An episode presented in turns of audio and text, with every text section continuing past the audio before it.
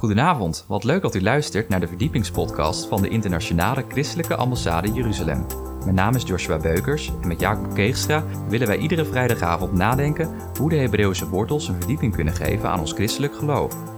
In deze eerste podcast trappen we af met een interview over het werk van de ICEJ. Wij wensen u veel luisterplezier. Goedenavond luisteraars, welkom bij In Gesprek Met. Dat is uh, deze keer met uh, de heer Jacob Keegstra. Goedenavond meneer Keegstra. Ja, goedenavond. Welkom in ons programma. Ja, dankjewel. Ik vind het heel leuk dat u uh, bij ons bent vanavond. En ik wilde vragen, wil u uzelf eerst even voorstellen aan de luisteraars? Ik ben Jacob Keegstra, ben theoloog. En ik ben al jaren voorzitter van de Internationale Christelijke Ambassade Jeruzalem. Mm -hmm. En dan de afdeling Nederland. Oké. Okay. En sinds wanneer bent u dat eigenlijk? Sinds uh, 1999, dus dit jaar 20 jaar. Zo, dat is een hele poos. Ja. Leuk. Maar wat je hart heeft, dat verveelt nooit. Dat is zeker waar. Prachtig. Dus dat heeft echt uw hart. Ja. Prachtig. Wanneer is de ambassade eigenlijk opgericht en waarom? Um, goeie vraag. In 1980 was een belangrijk jaar. Ja. Want toen heeft Israël Jeruzalem als hoofdstad uitgeroepen. Oké. Okay. Kijk, in 1948 is vast bekend uh, dat de staat Israël weer ontstaan is. In 1967, met de Zesdaagse Oorlog, heeft Israël heeft ook Jeruzalem gekregen. En pas in 1980 hebben ze Jeruzalem als onverdeelde eeuwige hoofdstad van de staat Israël uitgeroepen. Alleen toen uh, had Yasser Arafat nogal wat uh, en die had in de Verenigde Naties nogal een uh, stemming tegen Israël Mhm. en dreigde met een olieboycott. En toen hebben 13 landen hun ambassades uit Jeruzalem weggehaald. En de laatste in de rij, de dertiende, die met de staart tussen de benen wegging, was Nederland. En toen waren christenen op het Loofhuttenfeest in Israël. En die zeiden, ja, dat kan onze regering wel doen in ons land. Maar wij als christenen willen nu juist wel achter Israël staan. Ja. Dus dan hebben christenen uit verschillende landen, Nederland, uh, Amerika, Engeland, Zuid-Afrika, noem maar op, Duitsland. Die hebben toen een statement gemaakt in een internationale christelijke ambassade in Jeruzalem geopend om juist als ambassadeurs van Christus naast Israël te staan. Prachtig. Ja, u zei het al, internationaal. Hoeveel landen zijn er intussen bij aangesloten? Nou, inmiddels zijn, er, uh, zijn we de grootste pro-Israël organisatie ter wereld. En in 140 landen hebben we een afdeling. Nou, dat is wat zeg. 140 dus landen. Bijna in ieder land. Geweldig. Ja. ja. En wat doet de ambassade in Jeruzalem zoal? Nou, tweezijdig. Uh, vanuit de volkeren, vanuit de landen willen we steun aan Israël Mhm. bieden. Vanuit het mandaat uh, Jesaja 40 vers 1, troost, troost mijn volk. Ja. En dat willen we ook heel praktisch doen. Dus door sociale hulp en uh, om duidelijk te laten zien dat wij als christen naast Israël willen staan. Maar we willen ook vanuit Israël de wereld, en vooral ook de christenen in de wereld, met goed nieuws uh, ja, confronteren. Want je ziet wel eens in de media dat het over Israël nog wel eens gekleurd is. Ja. Dus we willen juist rechtstreeks nieuws vanuit Israël naar de volkeren brengen. Prachtig. Ja, dat is heel belangrijk, hè? Ja. ja. Hoe kunnen we Israël en de mensen daar helpen eigenlijk? Nou, wij in Nederland proberen we natuurlijk uh, de, de, visie uit te dragen... door veel kerkdiensten en spreekbeurten en lezingen in het land te hebben... Mm-hmm. om juist christenen op te wekken en te blijven bidden voor de vrede van Jeruzalem. En als we daar ja, met harde ziel voor bidden, dan willen we dat natuurlijk ook praktisch maken. Ja. En uh, doen we in Nederland veel fundraising... om dat in Israël op de juiste plek weer neer uh, te leggen. Zodat we laten zien dat we als christenen ook... Israël tot troost willen zijn. Ja. En onder andere, afgelopen jaar was misschien bekend dat bij de Gazastrook werden veel vanuit de Palestijnen veel uh, ja. opgelaten. Ja, en ja. de hele korenvelden stonden in brand. Nou. Toen hebben wij als christelijke ambassade 17 brandblusvoertuigen gedoneerd Zo. langs die grens met de Gazastrook om direct te plaatsen hulp te kunnen bieden. Ja. En we hebben daar ook langs die Gazastrook hebben een 60 uh, bomvrije bushaltes geplaatst. En vooral bij uh, kinderspeelplaatsen. Want ja, kinderen moeten natuurlijk buiten kunnen spelen. Maar als je steeds onder dreiging van raketten dat eigenlijk niet kunt. Toen hebben wij als ambassade daar van die bomvrije uh, haltes geplaatst. Zodat kinderen toch ook buiten kunnen spelen. En wanneer de dreiging is, dat ze snel in zo'n shelter kunnen. Ja. Dus zo laten we onder andere zien, maar niet alleen langs de grens met Gaza, we proberen ook uh, bijvoorbeeld de Holocaust survivors een goede oude dag uh, te hebben. We hebben een heel centrum in Haifa waar een 80 Holocaust survivors worden uh, compleet verzorgd. En dat we laten zien dat wij als christenen ook een andere nou ja, hand hun toereiken. Ja. Mensen hebben natuurlijk in hun jeugd door de Nazi-Duitsland en in Europa de verschrikkelijkheden uh, nee, meegemaakt. Ja. En wij proberen nu juist als christen hun in een oude dag uh, op een andere manier te verzorgen. Ja, geweldig hoor. Ja. Ja, nou, u, u zei het al, dat uh, zijn ja, hele kostbare dingen die u dan inderdaad verschaft aan, aan het volk van Israël. Hoe, Ja. kunnen, hoe kunnen mensen, want het gaat dus heel veel geld kosten, hoe kunnen bijvoorbeeld luisteraars eh, betrokken worden bij het werk? Ehm, kijk, we hebben ook als visie, en dat staat meerdere keren in Gods woord, dat God zijn volk terug gaat brengen naar hun eigen land.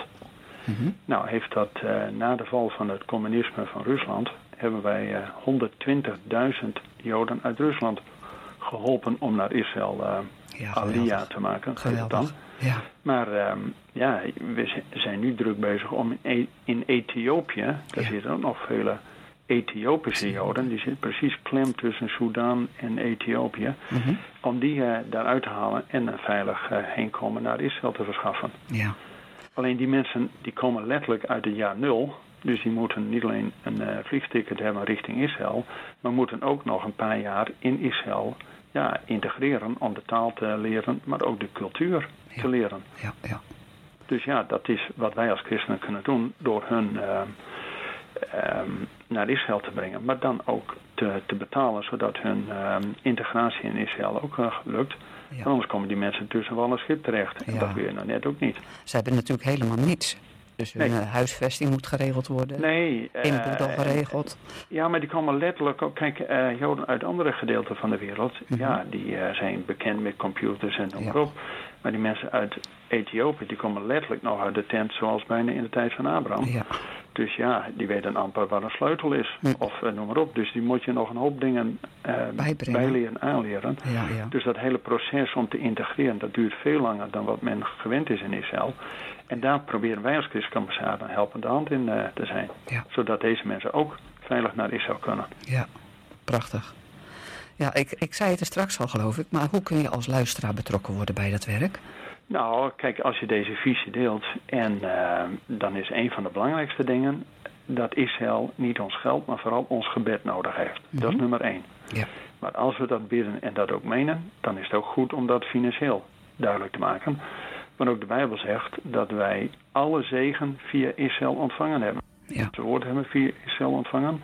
Gods Zoon, Jezus en ook de Heilige Geest hebben we allemaal via Israël ontvangen. ja, ja. En dan zegt de Bijbel, Romeinen 15, dat wij dan ook verplicht zijn vanuit onze materiële dingen hen te zegenen. ja. Nou, dat is dan, kijk, en de christelijke ambassade wil een middel zijn om juist ook de christen te bewegen, niet alleen te bidden voor de vrede van Jeruzalem, maar daar ook handen en voeten aan te geven. Wij zijn zeg maar de ambassadeurs van Christus naar Israël toe. Ja. Ja, prachtig. En zo kunnen wij dus mede-ambassadeurs gaan worden. Ja, ja, want niet iedereen is natuurlijk in staat om altijd naar Israël te gaan. Nee, maar daarvoor heb je deze organisaties die een verlengstuk van ons als kerken en gemeenten zijn om in Israël daar eh, handen en voeten aan te geven. Zeker. En je weet zeker dat het daar 100% op een goede plek komt. Ja, En het heeft een dubbel doel. Stel dat wij als christelijke ambassade een rolstoel aan iemand geven in Israël. Mhm. Dan wordt dat geld zeg maar, vanuit Nederland eh, gesponsord en naar Israël gestuurd. Maar er zijn handen van christenen die daar die rolstoel geven aan die Joodse mensen. Ja, nou, dan dient het een dubbel doel. ja, Dan krijgt de Joodse man of vrouw niet alleen die rolstoel waar hij behoefte aan heeft, maar dat je dat ook via handen van christenen laat gaan. Zodat duidelijk is dat wij een ander gelaat laten zien dan wat wij eeuwenlang wel eens als christenen hebben gedaan. ja, ja. Hoe wordt de ambassade verder? Want u zei het al zo'n beetje, maar hoe wordt de ambassade dus inderdaad echt zichtbaar naar de buitenwereld? Wat zijn zoal de activiteiten van de, Ehm, de een van ambassade? de belangrijkste is dat we jaarlijks met het uh, Loofhuttenfeest een zeer grote conferentie hebben Mhm. om juist Israël uh, te steunen.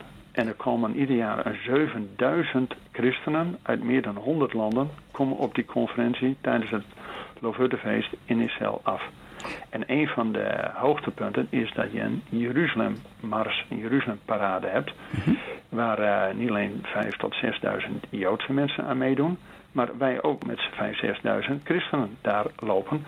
En juist lopen om Israël te zegenen. Ja, nou, dat, dit, dat wordt opgepikt van Israël. Um, hij komt steeds meer alleen te staan. de, de veroordeling in de Verenigde Naties gaat continu door. Ook Europa is uh, niet zo positief over Israël. Nou, en als wij dan met 7000 christenen naar Jeruzalem gaan om hun een hart onder de riem te steken. Nou, dat wordt natuurlijk opgepikt in Israël. Ja. Wordt primetime op de tv uh, uitgezonden. Ja, mensen staan met drommen, wel, wel een half miljoen mensen, staan in Jeruzalem langs de weg om al die christenen uit honderd landen te verwelkomen. Hm. Nou, dat is één groot feest. Ja, geweldig. Wat een manifestatie. Ja. Dus dat is echt een heel zichtbaar iets. Ja.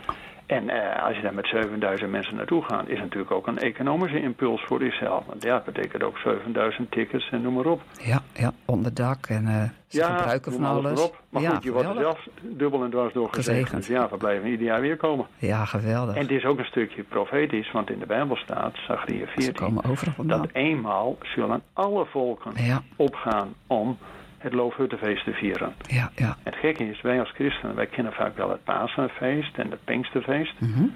Wel iets anders dan hoe het in de Bijbel precies is omschreven. Maar goed, de Pasen en Pinkster is wel bekend in kerk en gemeente.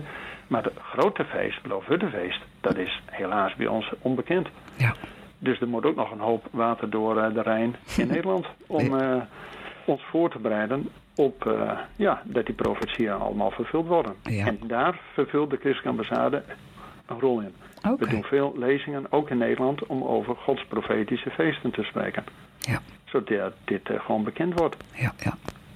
Dus dat zijn zo twee dingen waarvan u zegt van nou, dat zijn al taken van de, van de ambassade in Nederland. Ja, ja. ja.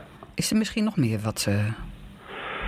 Um, ik vind het al heel wat hoor, daar gaat het niet over. Nou, kijk, uh, wij proberen natuurlijk in Nederland om uh, in kerken en gemeenten die verbondenheid met Israël weer gestalte te geven. Hè? Dat we dus veel spreken en uh, zondags op de kansel, zodat vanuit Gods woord die verbondenheid weer blijkt. Mm -hmm. En ene gemeente is daar open voor en ene kerk, maar er zijn ook veel kerken die een beetje kopschuw worden. Ja. Dus het is goed om daar gewoon vanuit Gods woord over te spreken.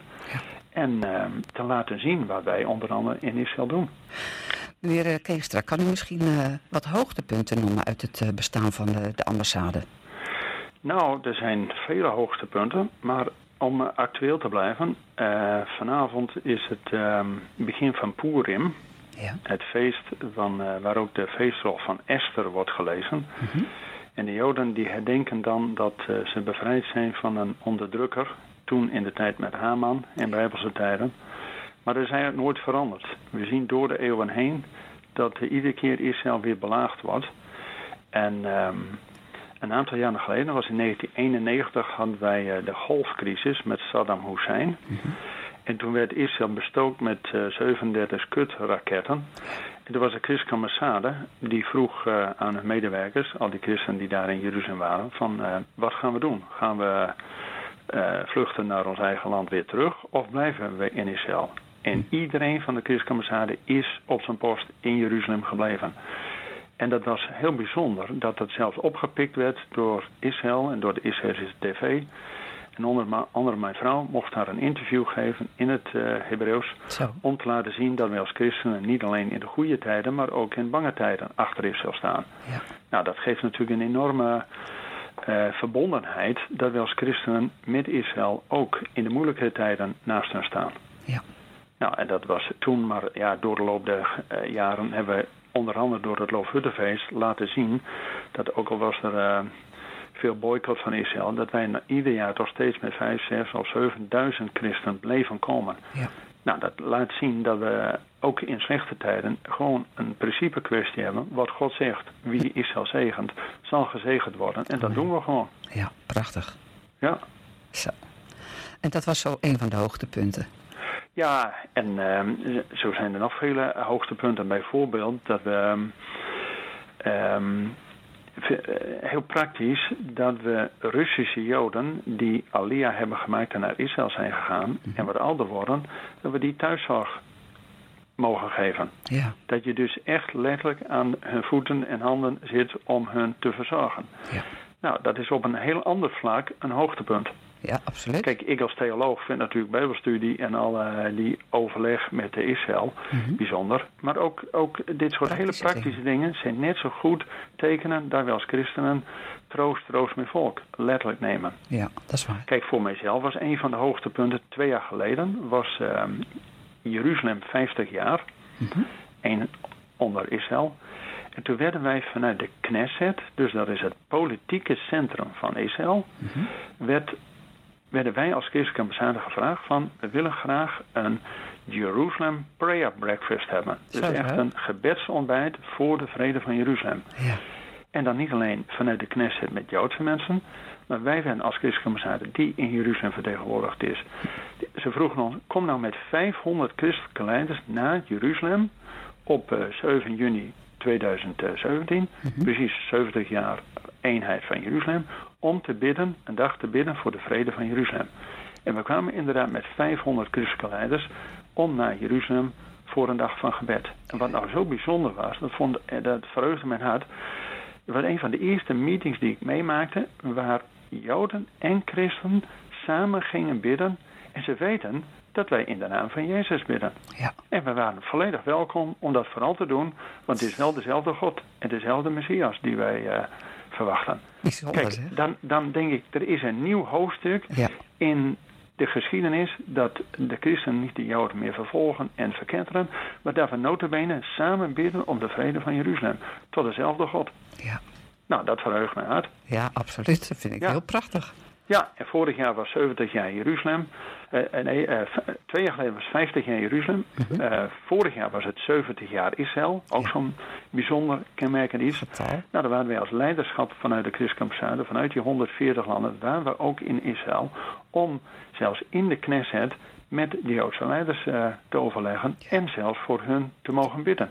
Prachtig. Nou, dat vind ik een voorrecht. Ja, zeker. Zeker. Ja. Want dan ben je echt bij de hoogste regionen, Ja. zeg maar. Dus Tuurlijk, het is altijd goed om eh, eh, als individuele gelovigen eh, samen te komen. Maar op dit niveau is het ook goed ja, om absoluut. met de politieke leiders en de religieuze leiders te overleggen. Ja. En hun een hart onder de riem te steken. Ja. En te laten zien dat we als christenen daar niet komen om hen te veroordelen. Maar Nee. juist om voor hun vrede en voor hun shalom te bidden. Ja.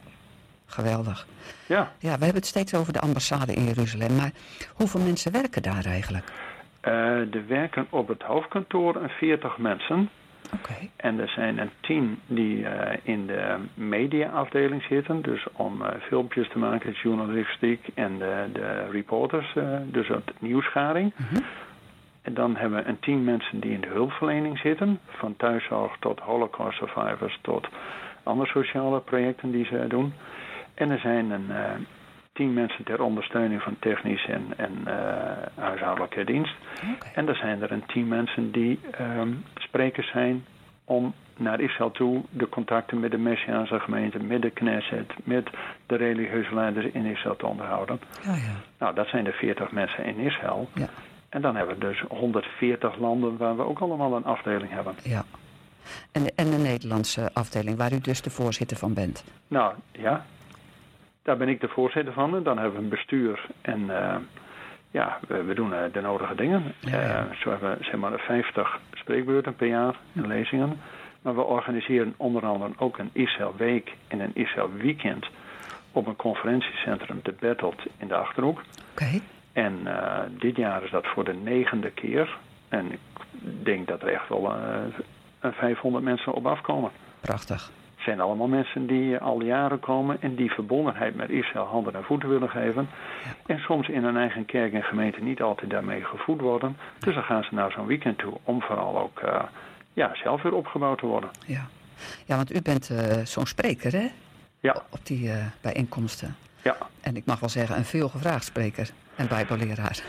Ja, ach ja, dat, je rolt er zo in. Hè. Als je dit al twintig jaar doet, Ja. in met harde ziel, en dat je passie heeft, ja, dan eh, Ja. straalt dat uit en dat eh, wordt opgepikt. Ja. Maar juist voor de kerken en gemeentes die daar open voor staan, daar willen we graag langskomen. Ja. Maar En er heeft... zijn, ook, zijn helaas ook kerken en gemeentes die, eh, ja, een beetje kopschuw worden en denken, nou, als we ons nou maar niet bemoeien met Israël en zo, dan bemoeit het Midden-Oosten zich ook niet met ons. Dan zijn we mooi gemeente in ons eigen dorp en stad. Ja. Ja, dan denk ik prima, -hmm. maar dan mis je ook een zegen. Zeker. Ja, maar God zegt al tegen Abraham, de vader van alle gelovigen, dus ook van ons, dat wie Israël zegent zal gezegend worden. ja. Maar alles heeft ook te maken met uw eigen achtergrond. Want u heeft uh, dat niet allemaal zomaar verzonnen of uh, zelf een beetje ontdekt. Maar u heeft wel de, terdege wel een, uh, een theologische opleiding. Ja, die heb ik pas later gedaan. Kijk, als kind werd ik gewoon ja, door je opvoeding. En mijn ouders waren christelijk. En die hebben mij zeker met Gods woord ja, grootgebracht, zeg maar. de, ja, bijgebracht en de liefde voor Jezus bijgebracht. Maar er kwam ook altijd het verhaal van Gods volk ja. uh, om de hoek uh, kijken. Dus wij waren nooit uh, anti of vervangingstheologie of wat dan ook. Nee, we hadden een liefde voor Gods woord en voor zijn volk. En dat is in de loop der jaren verder uitgegroeid. Ja. En op een gegeven moment denk je, ja, het is goed om theologie te doen. Ja. En dat, dat is meer om een preekbevoegdheid te halen dan om, ja... Die kennis dus, zeg maar. Ja, kijk, je kunt op allerlei fronten natuurlijk theologie studeren. Maar mijn idee was, nou, ik wil juist een stuk verdieping van Gods woord. En om ook een uh, bevoegd te zijn om op uh, kerken en kansel uh, te mogen voorgaan. Ja. ja. U bent dus helemaal thuis in die Bijbelse feesten, zei u dus straks al. Ja. Kan ja. u daar misschien in het kort even iets over vertellen? Ja, ja. Kijk, we gaan straks weer richting Pasen, ja. Pesach. Pasen is het feest in het voorjaar. Dat is de scheiding dat de winter is afgelopen en de voorjaar en zomer aanbreekt. Niet alleen in Nederland, maar ook in Israël. Pasen is het feest van de uittocht. Ja. Maar is ook in de landbouw het feest dat het koren wordt geoogst in Israël. Ja. En Israël begint vanaf Pesach, Pasen, begint eerst de gerstenoogst en daarna ook de tarweoogst. Ja. Precies in de periode tussen Pasen en Pinksteren is ook de tijd als je leest over, in de Bijbel over het Bijbelboek Rut. Ja. Dat Rut kwam met Naomi weer in Bethlehem ten tijde van de gerstenoogst, dus met Pasen. Ja. En ze werkte zeven weken op het land van Boas. En met Pinksteren trouwde ze met Boas. Ja. Dus die fase, dat is al eeuwen oud, dus ook al in de tijd van Boas en Rut. Dat altijd in het voorjaar er in Israël de oogst is van tarwe en gerst. Koren, brood voor onderweg. En God heeft al bij de uittocht uit Egypte beloofd via Mozes aan zijn volk dat God zijn volk zal zegenen met koren, met wijn en met olie. Nou, koren, dat is natuurlijk gerst en tarwe, brood. Ja. Dat wordt dus geoogst tussen Pasen en Pinksteren. Ja. En het gekke is, wij kennen als christenen wel die voorjaarsfeesten. Hm. Dat wordt in de Bijbel de eerstelingoogst genoemd tussen Pasen en Pinksteren. Maar het gekke is, wijn en olie wordt in Israël en het Midden-Oosten wordt pas september, oktober geoogst. Want dan zijn de vruchten aan de bomen rijp. Ja. En dat wordt met het Loofhuttenfeest gevierd. Ja. Alleen het gekke is, wij hebben in de christelijke kerkgeschiedenis... vanaf dat keizer Constantijn de Grote in 312 het christendom tot staatsgodsdienst uh, heeft bevorderd... toen hebben we wel een hoop water bij de wijn gedaan. Want het grote feest wat God heeft gezegd in zijn woord, het Loofhuttenfeest. Dat hebben wij sinds Constantijn de Grote, hebben wij ons van het bordje laten eten. En dus kennen wij dat ook helemaal niet in onze traditie. Gelukkig hebben we wel een biddag en een dankdag. Dat is aan het begin van het jaar en het eind van het jaar. Maar die dankdag, dat was natuurlijk vroeger eh, ook een hele week feest, het Loofhuttenfeest, waarin de dank aan God werd gebracht voor de rijke oogst. En met name de oogst van de vruchten van de bomen, ja. van de olie en de wijn. Ja, wat dat dan gaat, kunnen Joden wel beter feesten dan wij hier, hè? Ik bedoel, nou, een biddag en een, dank, een dankdag, maar zij vieren zo een hele week feest. Ja, kijk, um, het is ook een opdracht die God geeft. Ja. Het is niet zomaar een feest die Israël bedacht heeft. Nee, het is een opdracht precies. die God geeft. Ja. Om ook wanneer je de oogst binnen hebt, dat je ook een week ja, als gemeente bij elkaar komt voor in het huis van God. En daar ook voor het aangezicht van God een feest hebt. Ja, ja. Nou, dat is ook het nuttige met het aangename. Ja, absoluut. Ja, Heel wij zijn als Nederlands wat dat betreft een beetje krenterig. Eén dag, uh, nou, dat mag nog net, uh, moet net voldoende zijn. Dat kan nog net. Maar God, God geeft ook ja, een week feest, in die zin ook een week om niet te werken, dus ook een week rust. Ja. Na gedane arbeid is het ook goed rusten. Zo is dat. Echt leuk. Ja, u, weet, u weet er heel veel over te vertellen. En niet alleen vertellen, u heeft er ook boeken over geschreven. Ja, ja, ik heb ooit een boek over de godsprofetische feesten geschreven om juist christenen weer ja, bekend te maken met onder andere eh, ja, die, die profetische boodschap die door de structuur van de Bijbel en de structuur van de jaren en de structuur van die feesten, de hoogtijdagen van God, wordt gegeven. Van Pasen en Pinksteren. Maar uiteindelijk gaat het om de grote intocht en de grote inzameling. En je kunt het ook op een andere manier zien. Pasen is heel duidelijk verbonden met het werk en de roeping van Jezus. Ja. Goede Vrijdag, Pasen, daarvoor kwam Jezus. Ja. En Pinkster is ook heel duidelijk het werk van de geest. Uitzending van de geest was met Pinkster. Ja. Maar we lezen in de Bijbel dat we door Jezus in één geest tot het hart van de Vader mogen komen. Jezus is de deur tot de Vader. We moeten alleen niet bij de deur blijven staan. We moeten door Jezus, door de deur, verder. Amen. Dus door Jezus in één geest tot hart van de Vader. Maar dat heeft ook met die feesten te maken. Pasen is het feest van de Zoon. Hm. Pinksten is het feest van de Geest. Nou, dan missen we nog iets. Ja. Dan missen we nog het feest van de Vader. Ja. En het thuiskomen van de Vader, we kennen natuurlijk allemaal die gelijkenis van die verloren zoon. Ja. Maar heeft natuurlijk allemaal een diepere betekenis dat het uiteindelijk gaat dat die beide zonen, zowel Israël als de kerk, Ja. bij de Vader komen. Ja. En ehm, ja, dan is een van de profetieën die, eh, die voor ons als christen nog van belang is, dat we leren om ook over die bruiloft van het lam en de maaltijd des Heeren, de grote inzameling van de volken, het feest dat, dat dag en nacht doorgaat, het Loofhuttenfeest, om daar in ieder geval kennis van te nemen. Ja. Nou, en als je, zoals ik al eh, twintig jaar op het Loofhuttenfeest in Israël ben, ja, dan word je zelf weer zo gevoed met allerlei goede sprekers. En eh, dat je dat ook ja, in zo'n loofhut ook werkelijk meemaakt. Ja, dat smaakt gewoon naar meer. Ja. Dan zie je gewoon de Bijbel eh, handen en voeten krijgen. En dat God uiteindelijk, dat staat ook helemaal aan het eind van de Bijbel, openbaring, dat God komt tabernakelen Ja. onder zijn volk. En een tabernakel, Feast of Tabernacle, is de loofhut. Ja. God komt zijn loofhut onder ons opzetten. Nou, ja, dan, dan krijg je daar als christen juist uh, behoefte aan om daarin mee te doen. Ja. Ja. En is het dan gewoon een verschraling als we daar als christen weinig van weten? Absoluut. Maar goed, er is hoop. Dat is er is altijd, wat nu nog niet is, kan natuurlijk, eh, blijft nog profetie voor ons. Ja. En dat is goed om als christelijke ambassade ook ja, in de kerken en gemeentes deze boodschap eh, door te geven. Ja, bekend te maken. Nou, ik vind het prachtig. Dus u heeft daar eh, boeken over geschreven. Wat Ja. zijn zoal de titels daarvan? Dat boek heet ehm, Gods profetische feesten. Oké.